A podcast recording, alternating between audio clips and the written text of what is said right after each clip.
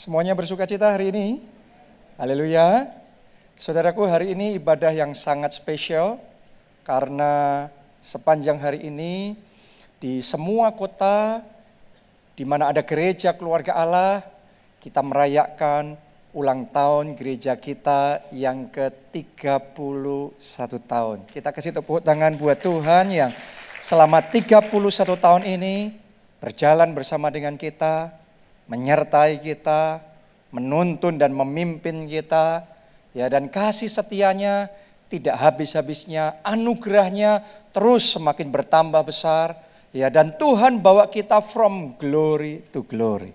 Ya bahkan di saat dunia sedang menghadapi pandemi pun, tapi kalau saya bisa ngomong sama saudara gereja kita, ya benar-benar merasakan tangan Tuhan itu sedang menopang kita. Saya berdoa keluarga saudara juga ditopang oleh Tuhan. Pekerjaan saudara ditopang oleh Tuhan. Masa depan saudara ditopang oleh Tuhan. Amin.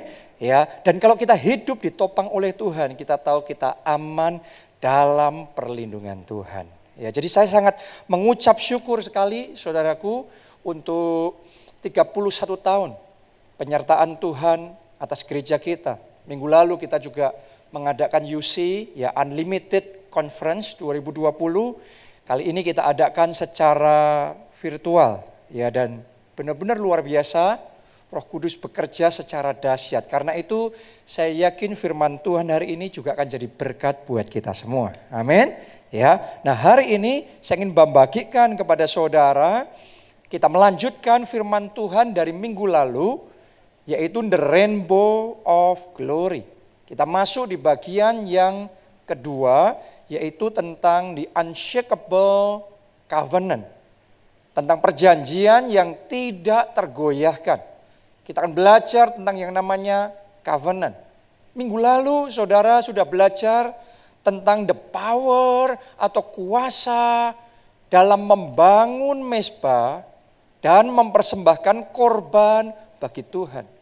Kalau Anda masih ingat minggu lalu saya bagikan sama saudara bagaimana ketika Nuh setelah air bah itu selesai, dia membangun mesbah. Dia mempersembahkan korban bagi Tuhan. Dan Tuhan berkata, aku takkan lagi ya membinasakan bumi seperti ini. Artinya ketika Nuh membangun mesbah dan mempersembahkan korban, maka kutuk yang harusnya bisa terjadi di masa depan. Sakit penyakit, malapetaka yang harusnya bisa menimpa di masa depan, dibatalkan. Jadi itu power yang luar biasa. Dan hal yang sama ternyata juga dilakukan oleh Daud ya ketika wabah sedang menimpa bangsa Israel dalam waktu tiga hari. Tiga hari wabah yang jadi korban 70 ribu orang mati. Jadi itu penyakit sampar yang jauh lebih menular dan lebih mematikan daripada COVID-19. Ya, tiga hari COVID-19 jumlahnya jauh dari itu. Ini tiga hari yang terjadi di zaman Daud, tiga hari 70 ribu orang mati. Saudaraku, tapi yang luar biasa Alkitab mencatat, ketika Daud membangun mesbah, dan dia mempersembahkan korban, dan Tuhan berkenan dengan yang dilakukan oleh Daud itu, ya maka penyakit sampar yang sedang berlangsung seketika itu berhenti. Artinya membangun mesbah dan mempersembahkan korban itu juga bisa membatalkan kutuk yang sedang berlangsung. Itu bisa menghentikan penyakit sampar yang sedang berlangsung. Sehingga Daud dan bangsa Israel diselamatkan. Sehingga Nuh dan keluarganya diselamatkan. Kalau saudara dan saya membangun mesbah, mempersembahkan korban kepada Tuhan, saya percaya dunia boleh ditutupi kegelapan dan kekelaman. Tetapi Tuhan tidak akan izinkan penyakit sampar apa pun namanya, COVID-19 apa pun namanya, menghampiri rumah saudara, menghampiri keluarga saudara. Anda ada dalam perlindungan Tuhan. Kita semua aman dalam perlindungan Tuhan. Amin. Saya berdoa penjagaan Tuhan sempurna dalam hidup saudara. Haleluya. Nah, hari ini kita akan lanjutkan dari apa yang sudah kita pelajari minggu lalu. Kita akan belajar tentang perjanjian yang tidak tergoyahkan. Kejadian 9 ayat yang ke-11. Kita akan lanjutkan tentang kisah Nuh ketika dia membangun mesbah itu, mempersembahkan korban dan kemudian Tuhan ngomong bahwa dia tidak akan menimpakan lagi malapetaka seperti itu atas bumi, ya. Nah, Berikutnya ini yang Tuhan katakan. Kejadian 9 ayat yang ke-11. Maka kuadakan apa?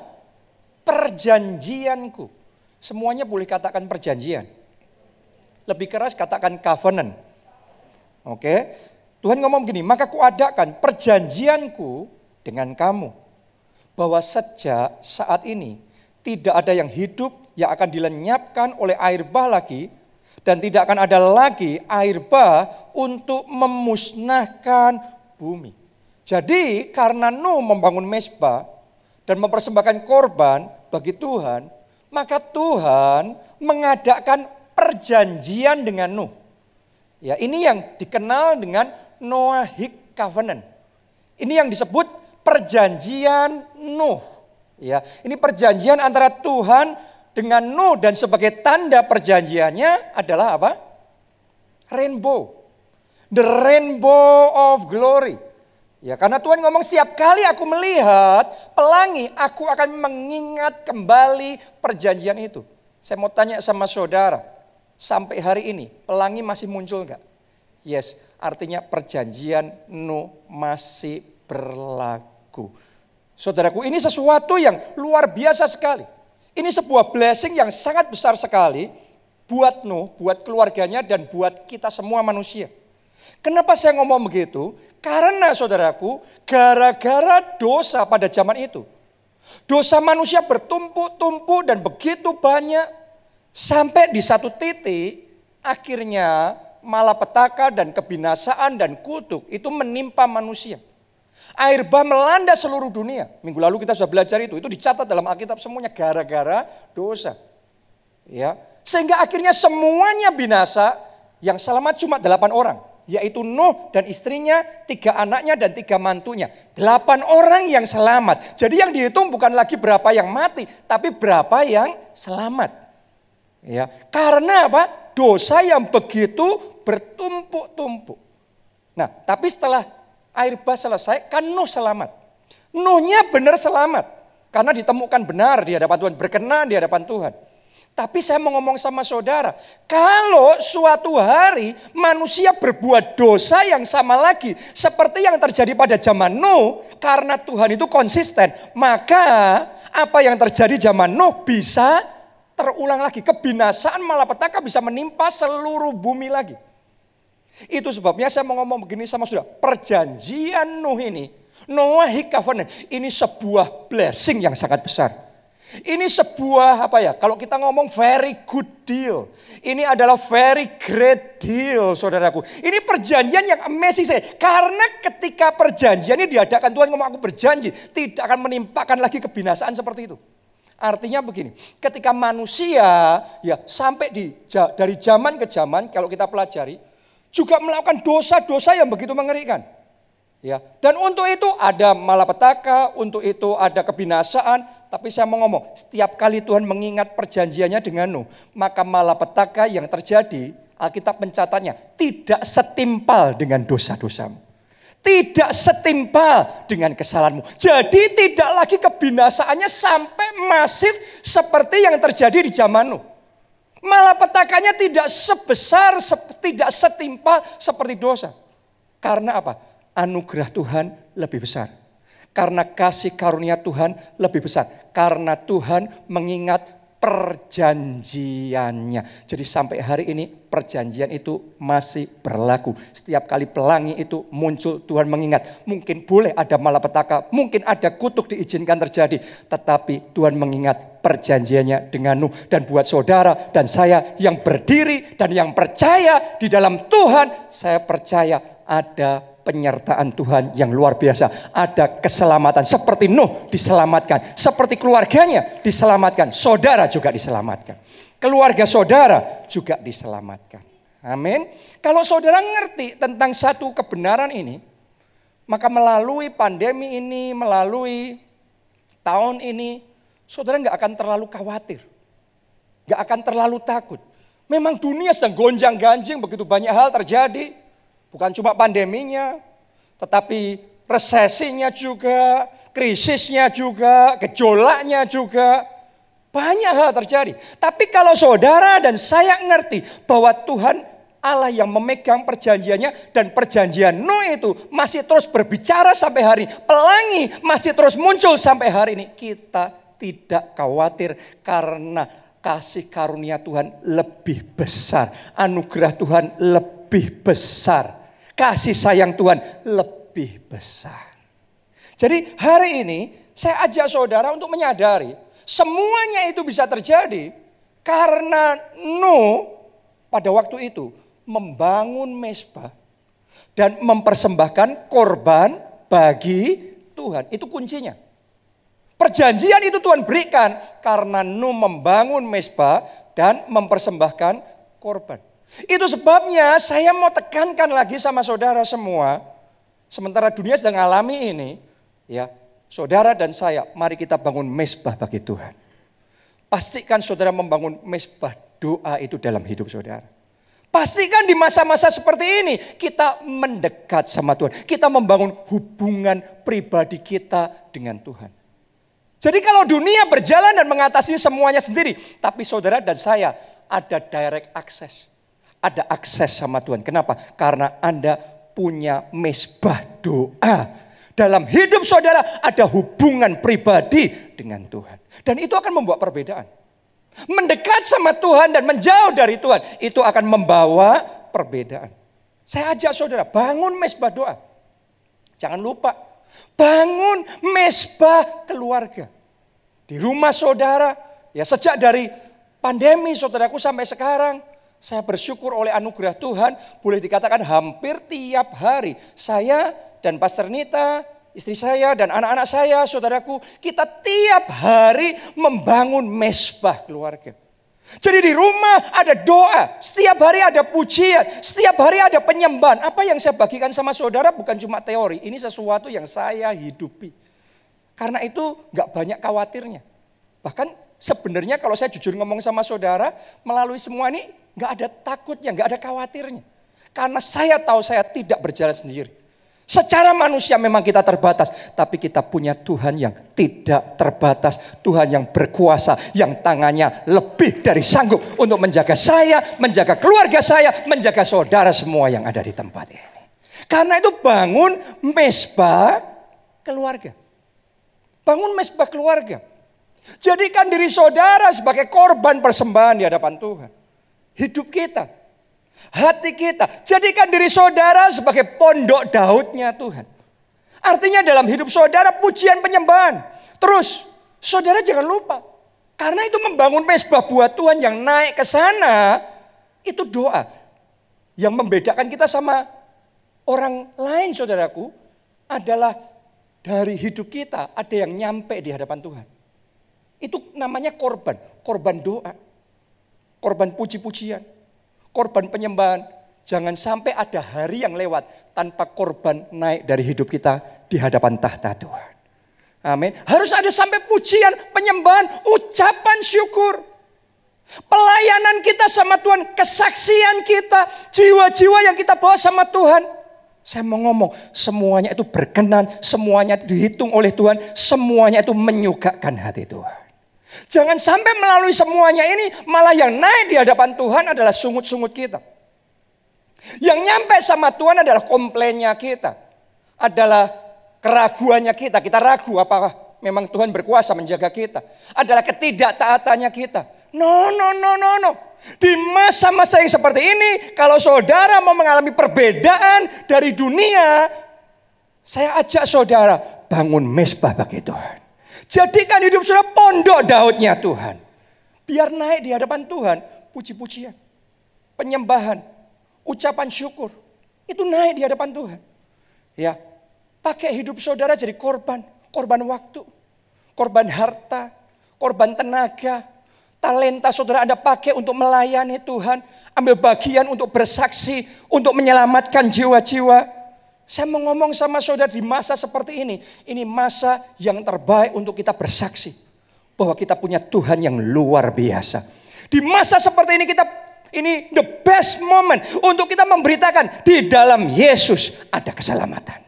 Di dalam Yesus ada pengampunan dosa. Di dalam Yesus ada jalan keluar. Di dalam Yesus ada anugerah yang melimpah. Kalau saudara bangun mesbah Dan persembahkan korban seperti itu di hadapan Tuhan.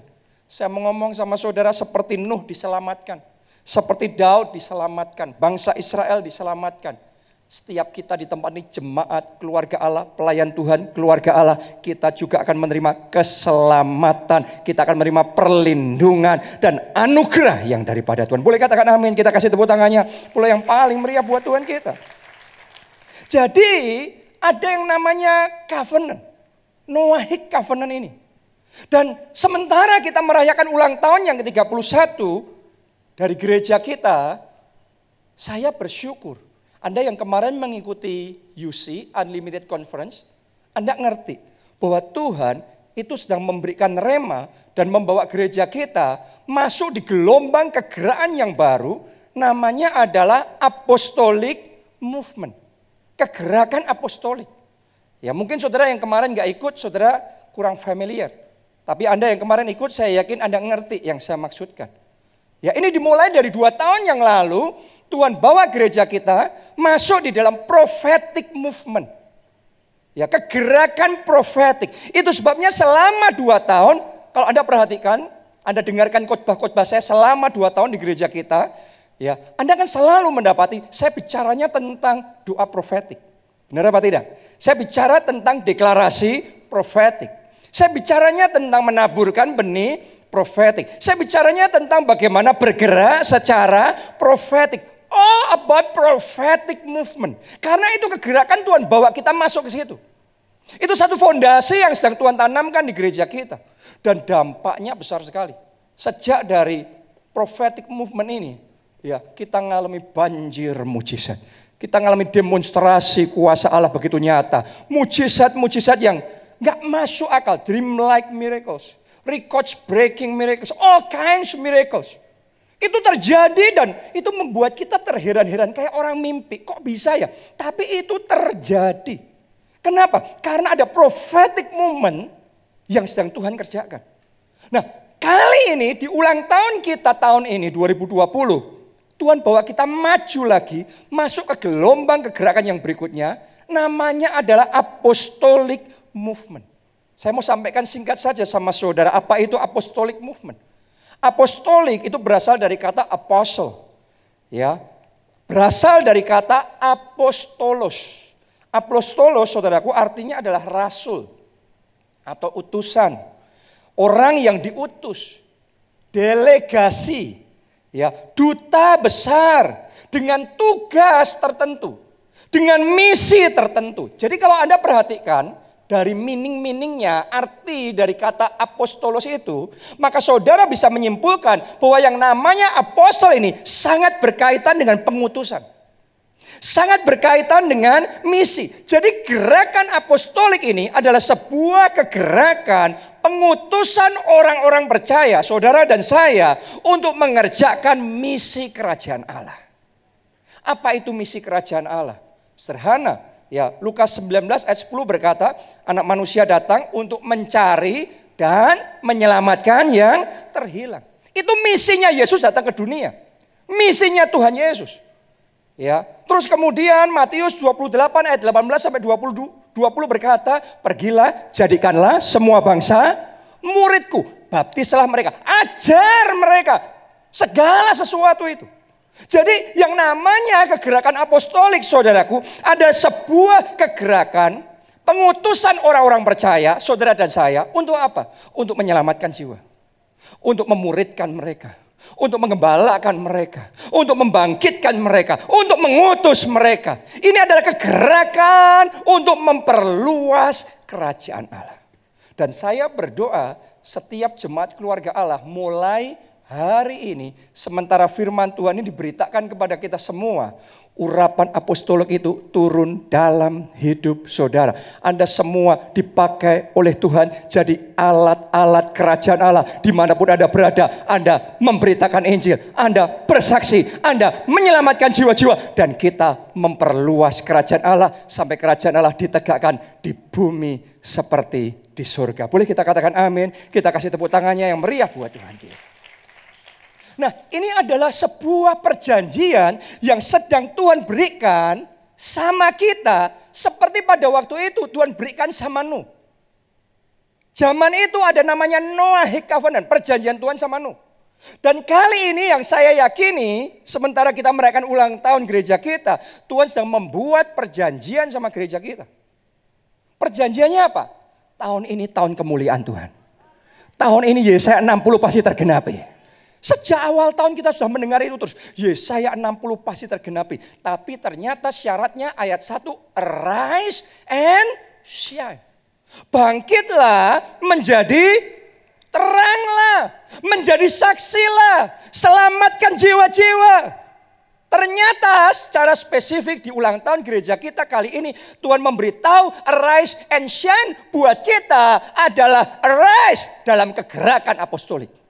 Bangkit dalam kegerakan apostolik. Bangkit selamatkan jiwa. Bangkit bersaksi. Bangkit muridkan jiwa-jiwa. Bangkit dan bangun kelompok sel. Bangkit dan perluas kerajaan Allah. Kalau bagian kita, kita lakukan. Anda akan melihat bagian Tuhan. Dia akan kerjakan. Tahun ini akan Tuhan jadikan tahun yang tidak terlupakan dalam hidup saudara. Bukan karena pandeminya, bukan karena kegelapannya. Tapi karena tahun ini sementara dunia dalam kegelapan. Tapi Anda dan saya, kita mengalami terang kemuliaan Tuhan dinyatakan atas hidup kita. Bagimu akan ada matahari yang tidak pernah tergen, ter, terbenam. Pintu gerbangmu terbuka siang dan malam. Kekayaan bangsa-bangsa dan kelimpahan seberang laut beralih kepadamu. Katakan amin. Tepuk tangannya yang meriah buat Tuhan kita. Haleluya. Anda percaya? Jadi itu. Yang namanya perjanjian itu dua pihak. Kalau janji itu satu pihak. Anda nggak ngapa-ngapain Tuhan kerjakan. Tapi perjanjian ada dealnya, ada bagian kita lakukan, Tuhan lakukan bagiannya. Kalau saudara dan saya lakukan bagian kita, masuk dalam kegerakan apostolik. Fokusnya Tuhan jiwa-jiwa. Fokusnya Tuhan menjangkau jiwa, menyelamatkan, memuridkan, memperluas kerajaan Allah. Kalau bagian itu kita lakukan, Tuhan akan pastikan Yesaya 60 terjadi dalam hidup saudara. Kemuliaan Tuhan dinyatakan dalam hidup saudara. Anda akan melihat itu. Anda akan melihat perbedaannya seperti apa. Antara orang fasik dan orang benar. Orang yang tidak beribadah dan orang yang beribadah dengan sungguh-sungguh sama Tuhan. Anda akan melihat perbedaan itu Tuhan kerjakan dalam hidup saudara. Bahkan Yesaya 60 ayat 22 berkata, yang terkecil daripadamu jadi kaum yang besar. Yang paling lemah jadi bangsa yang kuat. Anda tahu nggak dalam dalam terjemahan yang lain, saudaraku, yang terkecil jadi kaum yang besar, itu yang terkecil jadi seribu. Kenapa disebut besar? Karena satu orang tapi jadi seribu. Saya berdoa ini terjadi dalam hidup saudara. Satu talenta keselamatan. Kenapa saya sebut talenta? Keselamatan yang Anda terima itu talenta dari Tuhan. Anda terima Yesus, Anda punya jaminan keselamatan di surga. Itu talenta yang Tuhan percayakan sama saudara. Saya berdoa satu talenta itu enggak tetap satu talenta. Doa saya untuk setiap orang di tempat ini minimal yang terkecil dari kita. Satu talenta keselamatan jadi seribu jiwa. Anda dipakai untuk menyelamatkan keluarga saudara. Anda dipakai untuk menjangkau teman-teman saudara. Orang-orang sebanyak mungkin. Satu dari kita jadi seribu. Mungkin sebagian orang berpikir, mana mungkin. Tapi saya mau ngomong, kalau Tuhan kasih tugas, Tuhan mampukan kita. Tuhan akan berikan pengurapan kepada kita. Sama seperti dua tahun yang lalu. Ketika masuk dalam gelombang prophetic movement, tiba-tiba mujizat yang aneh-aneh terjadi di tengah-tengah kita. Yang paling tidak mungkin, paling tidak masuk akal. Jadi gampang sekali terjadinya. Nanti Anda akan melihat, yang namanya pertobatan jiwa-jiwa gampang sekali terjadi orang-orang paling susah di keluarga saudara untuk bertobat, mulai hari ini akan melihat, Anda akan melihat keajaiban demi keajaiban terjadi. Roh Kudus bekerja secara luar biasa. Orang-orang itu yang terlebih dahulu bertekuk lutut dan mengaku Yesus Kristus adalah Tuhan dan Juru Selamat. Mulai hari ini Anda yang biasanya malu, tapi api roh kudus akan menyala dalam hidup saudara. Anda akan mulai bersaksi, Anda akan mulai menyelamatkan jiwa. Bahkan pandemi tidak bisa menghentikan kesaksian saudara. Bahkan pandemi tidak bisa menghentikan Anda melayani Tuhan dan menyelamatkan jiwa. Anda akan pakai teknologi, Anda akan pakai sosial media, Anda pakai semuanya. Satu yang terkecil dari kita jadi seribu. Ada yang jadi dua ribu. Ada yang jadi lima ribu.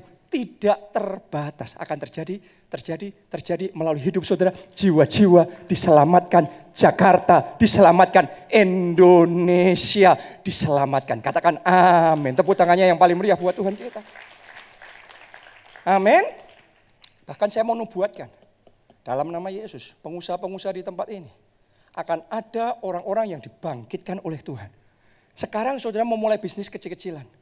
Tapi beberapa waktu ke depan anda akan punya, akan ada yang punya seribu karyawan di bawah saudara. Akan ada yang punya dua ribu karyawan di bawah saudara. Bahkan sepuluh ribu, bahkan tidak terbatas. Oh akan Tuhan bangkitkan. Satu orang kayak kerajaan. Satu orang kayak bangsa yang kuat. Jadi itu dalam pekerjaanmu, jadi itu dalam keuanganmu, jadi itu untuk keluarga saudara, jadi itu masa depan saudara. Katakan amin tepuk tangannya yang paling meriah buat Tuhan kita. Ini deal, ini perjanjian karena itu rise and shine. Karena itu bangkit dan jadilah terang. Mulai hari ini bangkit dan kita akan masuk dalam kegerakan apostolik. Karena kalau saya ngomong sama saudara, yang namanya Tuhan buat perjanjian, Tuhan itu sangat serius dengan perjanjiannya. Tuhan tidak pernah main-main. Tahukah saudara Tuhan tidak pernah bermain-main dengan perjanjiannya.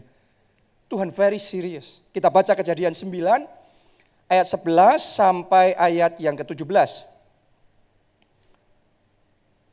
Maka kuadakan apa? Perjanjianku dengan kamu bahwa sejak ini tidak ada yang hidup yang akan dilenyapkan oleh air bah lagi, tidak ada lagi air bah untuk memusnahkan bumi. Ayat 12.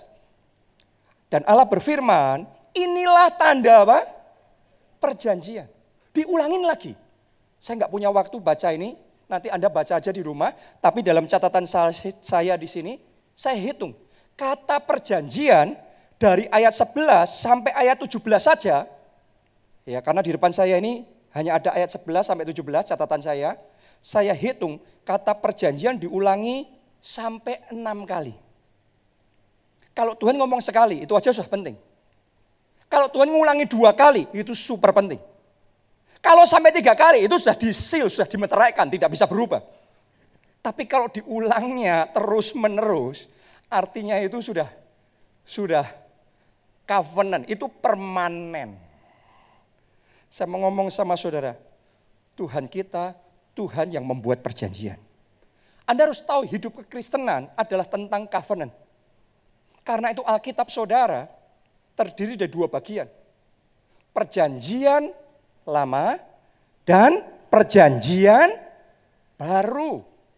Jadi kalau Anda hidup di dalam Tuhan, hidup kekristenan, Anda cuma nunggu, Anda harus ngerti. Mulai hari ini hidup kekristenan itu perjanjian. Ada bagian kita, ada juga bagian Tuhan. Kerjakan bagian saudara, Tuhan alammu setia. Dia memastikan bagiannya dia genapi dalam hidup saudara. Amin. Banyak orang Kristen nggak mengalami penggenapan janji Tuhan. Kenapa? Karena nggak melakukan bagiannya, berpikir cuma janji, terus nunggu terus. Pasif dan nggak ngelakuin apa-apa. Ini anugerah, anugerah, anugerah. Benar anugerah Tuhan, itu nyata, itu sempurna di tengah-tengah kita. Perjanjian Tuhan itu anugerah Tuhan. Tapi Anda harus ngerti, ada bagian yang harus kita kerjakan.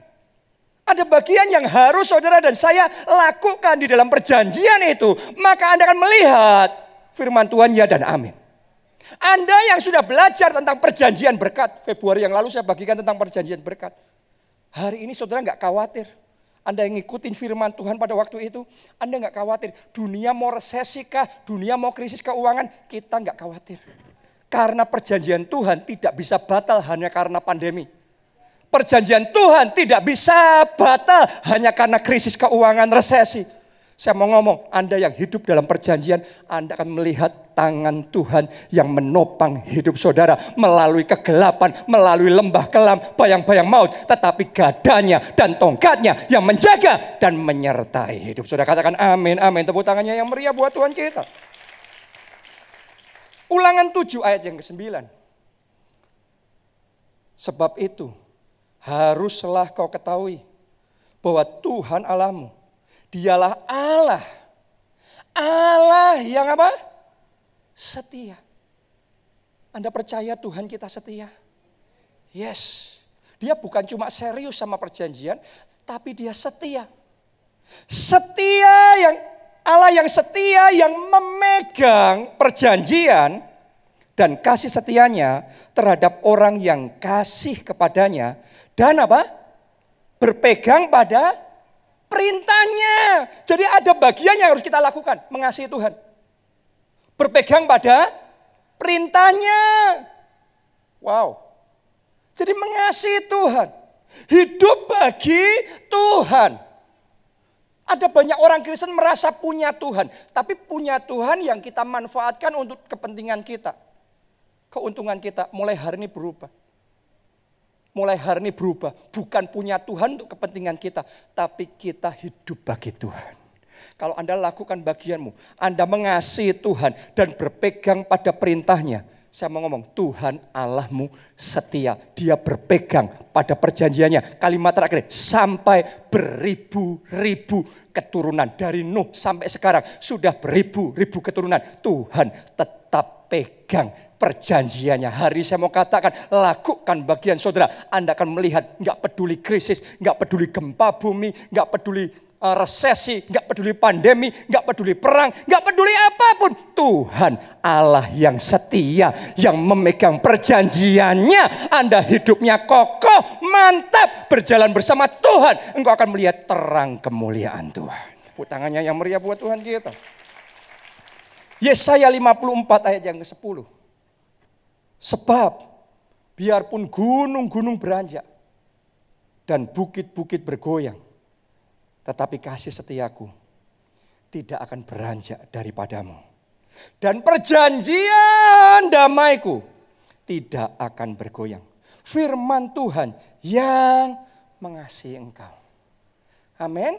Saudaraku, jadi Tuhan sudah ngomong, mau bumi bergoyang, mau gonjang-ganjing kayak apa pun, anda tetap Anda tetap konsisten karena Anda berjalan bersama dengan Tuhan.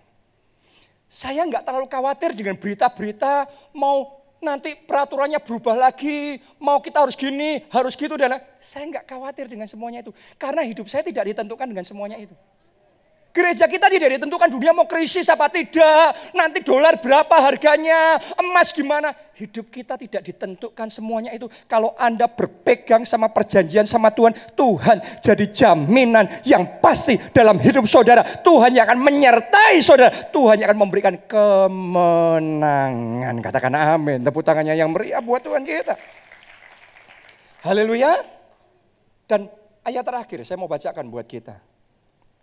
Yesaya 55 ayat yang ke-11. Yesaya 55 ayat yang ke-11. Demikianlah firmanku yang keluar dari mulutku. Ia tidak akan kembali kepadaku dengan sia-sia. Tetapi ia akan melaksanakan apa yang ku kehendaki dan akan apa? Berhasil. Semuanya katakan berhasil. Semuanya katakan firman Tuhan berhasil. Dalam apa yang kusuruhkan kepadanya. Kalau Tuhan sudah buat perjanjian. Tuhan sudah buat, Tuhan sudah berfirman. Firman Tuhan selalu berhasil. Kalau Tuhan sudah ngomong 2020 buat orang-orang yang berpegang pada perjanjiannya adalah tahun kemuliaan. Saya mau ngomong gak peduli mau pandemi kah, resesi kah, hidup kita tidak ditentukan dengan semuanya itu. Hidup kita di tangan Tuhan. Tuhan yang akan memastikan firmanya berhasil. 2020 tetap tahun kemuliaan Tuhan. Yesaya 60 tetap tergenapi dalam hidup saudara. Karena itu gak takut, gak gentar. Gak stres, gak bingung, gak bisa tidur, karena keadaan gak ada lagi lewat semuanya itu buat kita. Kita punya kepastian karena tangan Tuhan menopang kita. Tujuh kali orang benar jatuh, dia bangkit kembali. Karena Tuhan menopang tangannya. Jadi hidup saudara aman di dalam tangan Tuhan. Berpegang pada perjanjian. Anda akan melihat kemuliaan Tuhan. Percaya sama Tuhan. Karena Tuhan ngomong, bukankah sudah kukatakan kepadamu, jikalau engkau percaya, engkau akan melihat kemuliaan Allah. Do you believe? Saudara percaya? Kalau Anda pegang perjanjian itu, lakukan bagianmu. Anda percaya tahun ini tetap tahun kemuliaan Tuhan dalam hidup saudara. Anda percaya Yesaya 60 tetap tergenapi dalam hidup saudara. Yang percaya, mari bangkit berdiri. Kita nyanyikan lagu ini menyenangkan. Menyenangkanmu.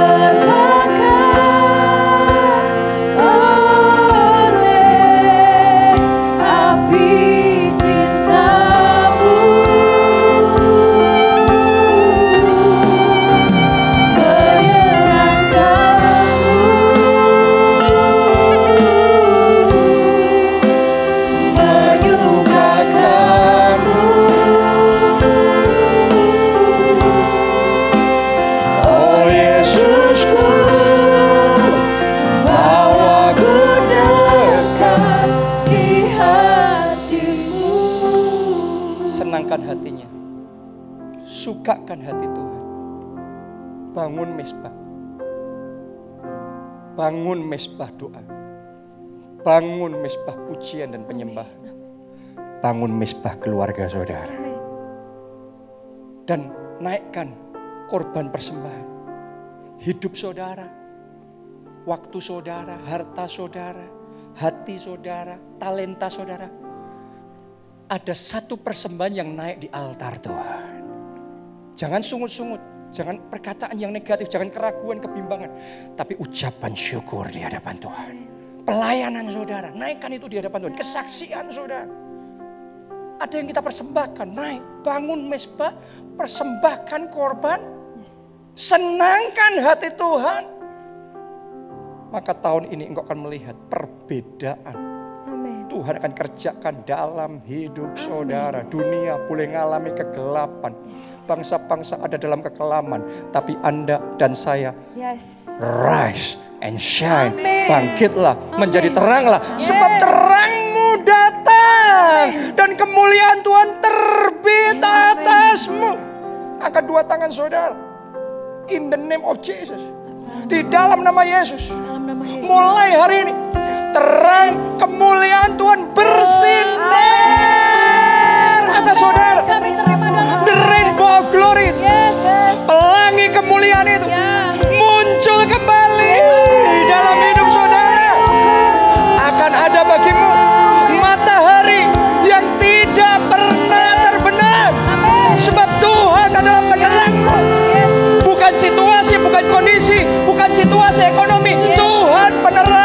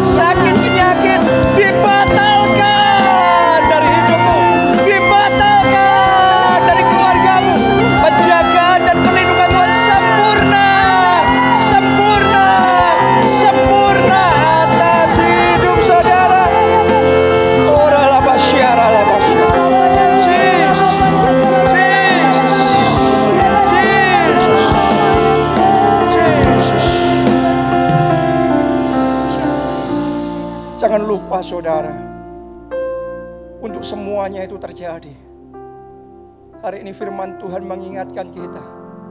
Tuhan kita. Tuhan yang membuat perjanjian. Amin. Perjanjian. Kalau Anda mau lihat kemuliaan itu dinyatakan. Lakukan bagian saudara di dalam perjanjian Tuhan. Dan sementara gereja kita merayakan ulang tahun yang ke-31 ini. Tuhan memanggil saudara dan saya. Tuhan memanggil gereja kita jadi gereja yang apostolik. Di mana pun kita berada, saudara jadi jemaat yang apostolik. Jadi pelayan Tuhan yang apostolik. Mulai hari ini bersaksi, mulai hari ini jangkau jiwa, mulai hari ini selamatkan jiwa-jiwa, mulai hari ini muridkan mereka, gembalakan mereka, bangun kelompok sel saudara, mulai hari komit untuk memperluas kerajaan. Tuhan. Siapa di sini yang mau dipakai Tuhan jadi penjala manusia?